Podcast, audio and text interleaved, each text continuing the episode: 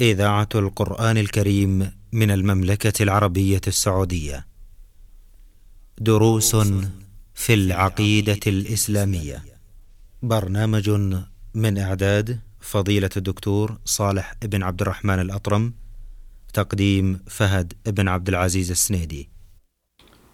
بسم الله الرحمن الرحيم الحمد لله رب العالمين والصلاة والسلام على أشرف الأنبياء والمرسلين نبينا محمد وعلى آله وصحبه أجمعين. مستمعينا الكرام السلام عليكم ورحمة الله وبركاته. وأسعد الله أوقاتكم بكل خير. وأهلا ومرحبا بكم إلى حلقة جديدة في برنامجكم دروس في العقيدة الإسلامية. مع مطلع حلقة هذا اليوم نرحب بفضيلة الدكتور صالح بن عبد الرحمن الأطرم. فأهلا ومرحبا بكم شيخ صالح. حياكم الله وبارك الله فيكم. حياكم الله. في الحلقة الماضية كان حديثنا مع سورة العصر هذه السورة المباركة. تحدثنا في استثناء الله تبارك وتعالى من خسارة الخاسرين في قوله إلا الذين آمنوا. آه، نود أن نتحدث أيضا في بيان قوله تبارك وتعالى إلا الذين آمنوا وعملوا الصالحات. آه، أن نتحدث عن العمل بالاعتقاد إذا تكرمتم يا شيخ صالح. بسم الله الرحمن الرحيم. الحمد لله رب العالمين وصلى الله وسلم على نبينا محمد وعلى آله وصحبه أجمعين. قال الله تعالى بسم الله الرحمن الرحيم والعصر إن الإنسان لفي خسر إلا الذين آمنوا وعملوا الصالحات وتواصوا بالحق وتواصوا بالصبر. عرفنا أن هذه الصفات الأربع مستثنات ممن حكم عليهم بالخسارة. فأول صفة العلم. والعلم العلم بالقلب. بمعرفة هذا الشيء. هو واجب فيفعل أو محرم فيترك. أو يكره فيكون تركه أولى أو مستحب فيكون فعله أولى أو مخير بين الإباحة. وبين الكراهية والاستحباب فيكون مباح الصفة الثانية العمل وعملوا الصالحات فأول ما نستفيده عقيدة أن العلم يحتاج إلى عمل ومن لم يعتقد ذلك معناه أنه اكتفى بالعلم. ومن اكتفى بالعلم دون العمل فقد اختلت عقيدته. فلا علم إلا بعمل. ولربما أشبه إبليس. فإن إبليس عنده علم. نعم. ومع ذلك لما أنه لم يعمل حينما أمر بالسجود لآدم فلم يسجد عصى ربه فلم يسجد طرده الله وأبعده عن رحمته وحرمه دخول الجنة. فعقيدة يتأكد على من ادعى الإسلام أنه لا يكتفي بالعلم. ولهذا قاعدة أهل السنة والجماعة أن الإيمان عقيدة في الجنان. نعم. وقول باللسان وعمل بالأركان. فلفظة الإيمان يشمل الأمور الثلاثة. وهناك طوائف تنتسب للإسلام بمعنى أنهم قالوا الإيمان قول وعقيدة واستبعدوا العمل. وهذا يسمى رجاء ويوصفون نعم. بالمرجئة نعم. بالمرجئة أهل السنة والجماعة وصفوا الإيمان إذا جاء مفردا بهذه الأوصاف الثلاثة فلا بد من عقيدة ولا بد من قول باللسان نعم. ولا بد من من من عمل فنتنبه لمثل هذه الأمور والأدلة على ذلك كثيرة. لكن من أبرزها أبرزها قوله تعالى قالت العرب آمنا قل لم تؤمنوا ولكن قولوا أسلمنا. ولما يدخل الإيمان في قلوبكم وإن تطيعوا الله ورسوله لا يلدكم من أعمالكم شيئا. لا يلدكم من أعمالكم شيئا. إن الله غفور رحيم. ثم قال إنما المؤمنون الذين آمنوا بالله ورسوله وجاهدوا بأموالهم وأنفسهم.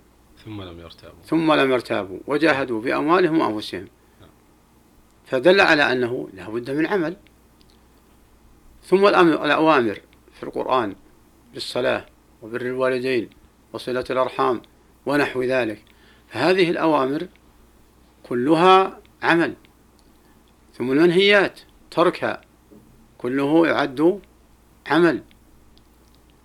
وحديث عمر رضي الله عنه وارضاه عن الطويل الذي روى فيه أن جبريل جاء إلى النبي صلى الله عليه وسلم فأسند ركبتيه إلى ركبتيه ثم سأله عن الإسلام.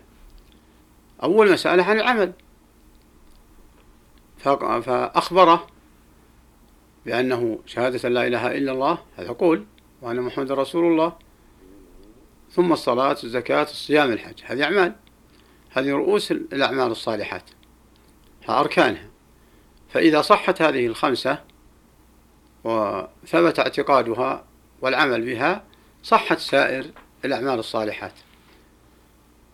ثم قالوا الإيمان فأخبره بالإيمان بالمغيبات. فقال ليس محسوسات في العين وفي اليد. ما هي عمل أركان. فقال أن تؤمن بالله وملائكته وكتبه ورسله واليوم الآخر وبالقدر وتؤمن بالقدر خيره وشره. فدل على أن الإيمان وهو الاعتقاد بأن هذه الأمور العملية واجبة. إذا لابد من الاعتقاد والعمل. ثم سأله عن الإحسان فوصف الرسول عليه الصلاة والسلام له الإحسان لسائر الأعمال. أن تعبد الله كأنك تراه. فما تعمله لله أو تتركه لله فكأنك ترى الله سبحانه وتعالى يراقبك كأنك تشاهده مشاهدة حسية لما لصحة عقيدتك.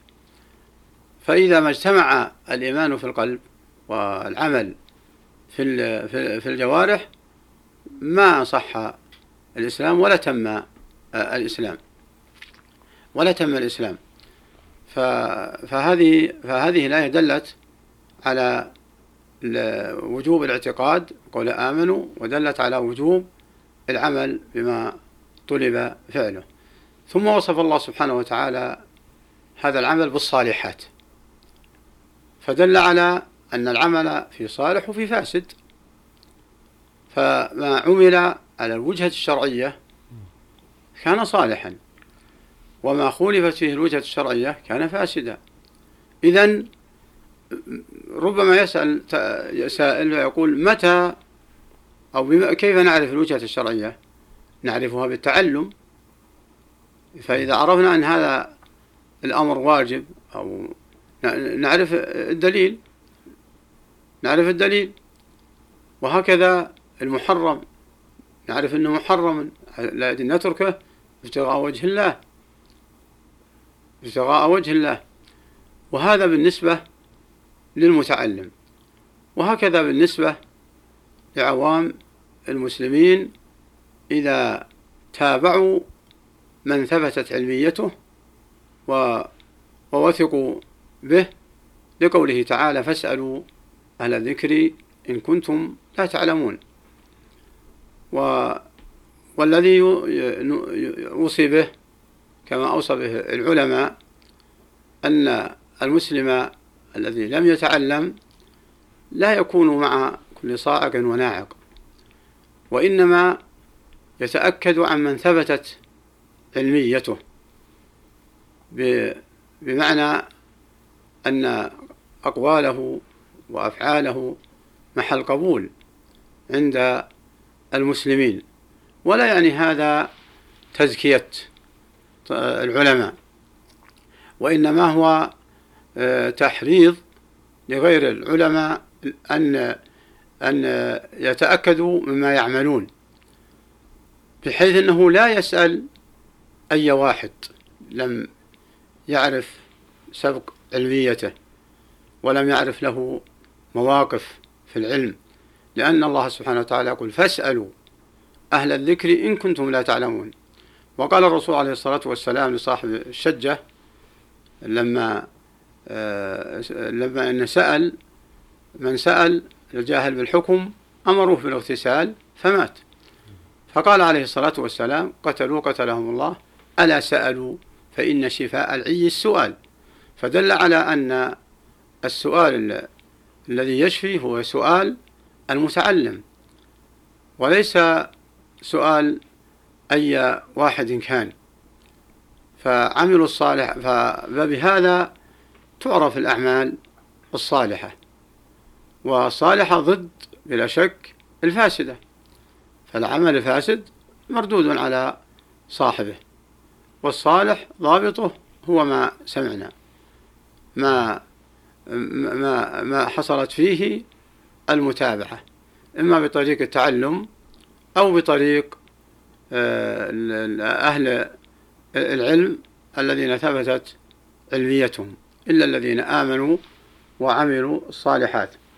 فهذان الوصفان عنوان على استقامة الإنسان وعلى طاعته. بقي ماذا سيبذله؟ ماذا سيبذله؟ قال الله تعالى وتواصوا بالحق وتواصوا بالصبر.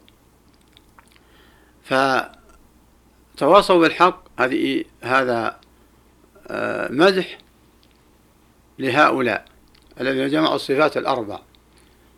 فالتواصي فيه بيان أن من آمن أي علم وعمل الصالحات أن يأمر غيره وأن يدل غيره وأن يدل غيره.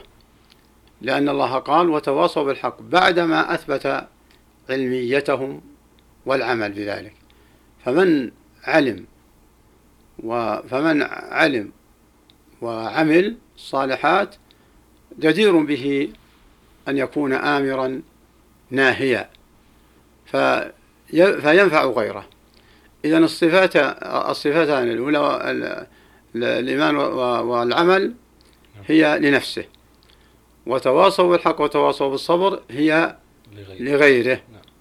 هي لغيره وتواصوا بالحق والحق ضد الباطل والحق ما ثبت أنه مأمور به أمر وجوب أو أمر استحباب. وقل الحق من ربكم. وهكذا آه، قل إي وربي إنه لحق. فالحق هو ضد الباطل. فتواصي به هو الأمر بالمعروف والنهي عن المنكر والدعوة إلى ذلك. ثم إن الأمر بالمعروف والنهي عن المنكر لا يصح أن يكون هواية وأن يكون تجشم وأن يكون رغبة في النفس بل الواجب أن يثبت الصفتين الأوليين العلم والعمل. ثم بعد ذلك يدخل في هذا الباب. فيأمر بالمعروف وينهى عن المنكر بالقول والفعل بقدر الاستطاعة. وبالجادة التي رسمها الرسول عليه الصلاة والسلام ومن آكد ما أؤكده أن يعرف الفرق بين الأمر بالمعروف والنهي عن المنكر وبين النصيحة. فالأمر بالمعروف والنهي عن المنكر معناه طلب فعل المعروف وطلب ترك المنكر. والنصيحة معناه الإخبار. بأن هذا حق فليفعل وأن هذا باطل فليترك. والنصيحة بلا شك أنها تحتاج إلى ما يحتاجه الأمر بالمعروف والنهي عن المنكر من مع من شروط من الشروط. نعم. وهي العلم بما يأمر والعلم بما ينهى. لكن الفارق هو الطلب. ثم إن النصيحة قد تجامع الأمر بالمعروف والنهي عن المنكر. وذلك أن ينطلق أمره ونهيه حبا ونصحا للمأمور والمنهي. نعم. وقد تفارقه بأن يكون أمره ونهيه للسيطرة و و و وإظهار العيوب في مجتمع المسلم فهذا ينتكس عليه الأمر. لأن الله سبحانه لأن المطلوب هو ستر العيوب. أولى الأمور ستر العيوب بكل ما يستطيع. ولأن الأمر بالفعل والنهي لا لا يكون لكل أحد بل من هو في استطاعته. والنصوص تفسر بعضها بعضا. إيه، من رأى منكم منكرا فليغيره بيده.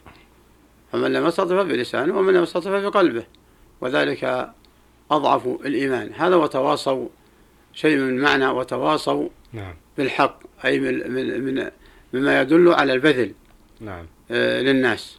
أحسنتم شيخ أستأذنكم في أن أرجع بقية الحديث حول هذا الموضوع في الحلقة القادمة بإذن الله نظرا لانتهاء وقت هذه الحلقة. فنترك الحديث في الحلقة القادمة بإذن الله تعالى. مستمعينا الكرام في الختام تقبلوا تحية الزميل يحيى عبد الله من الهندسة الإذاعية.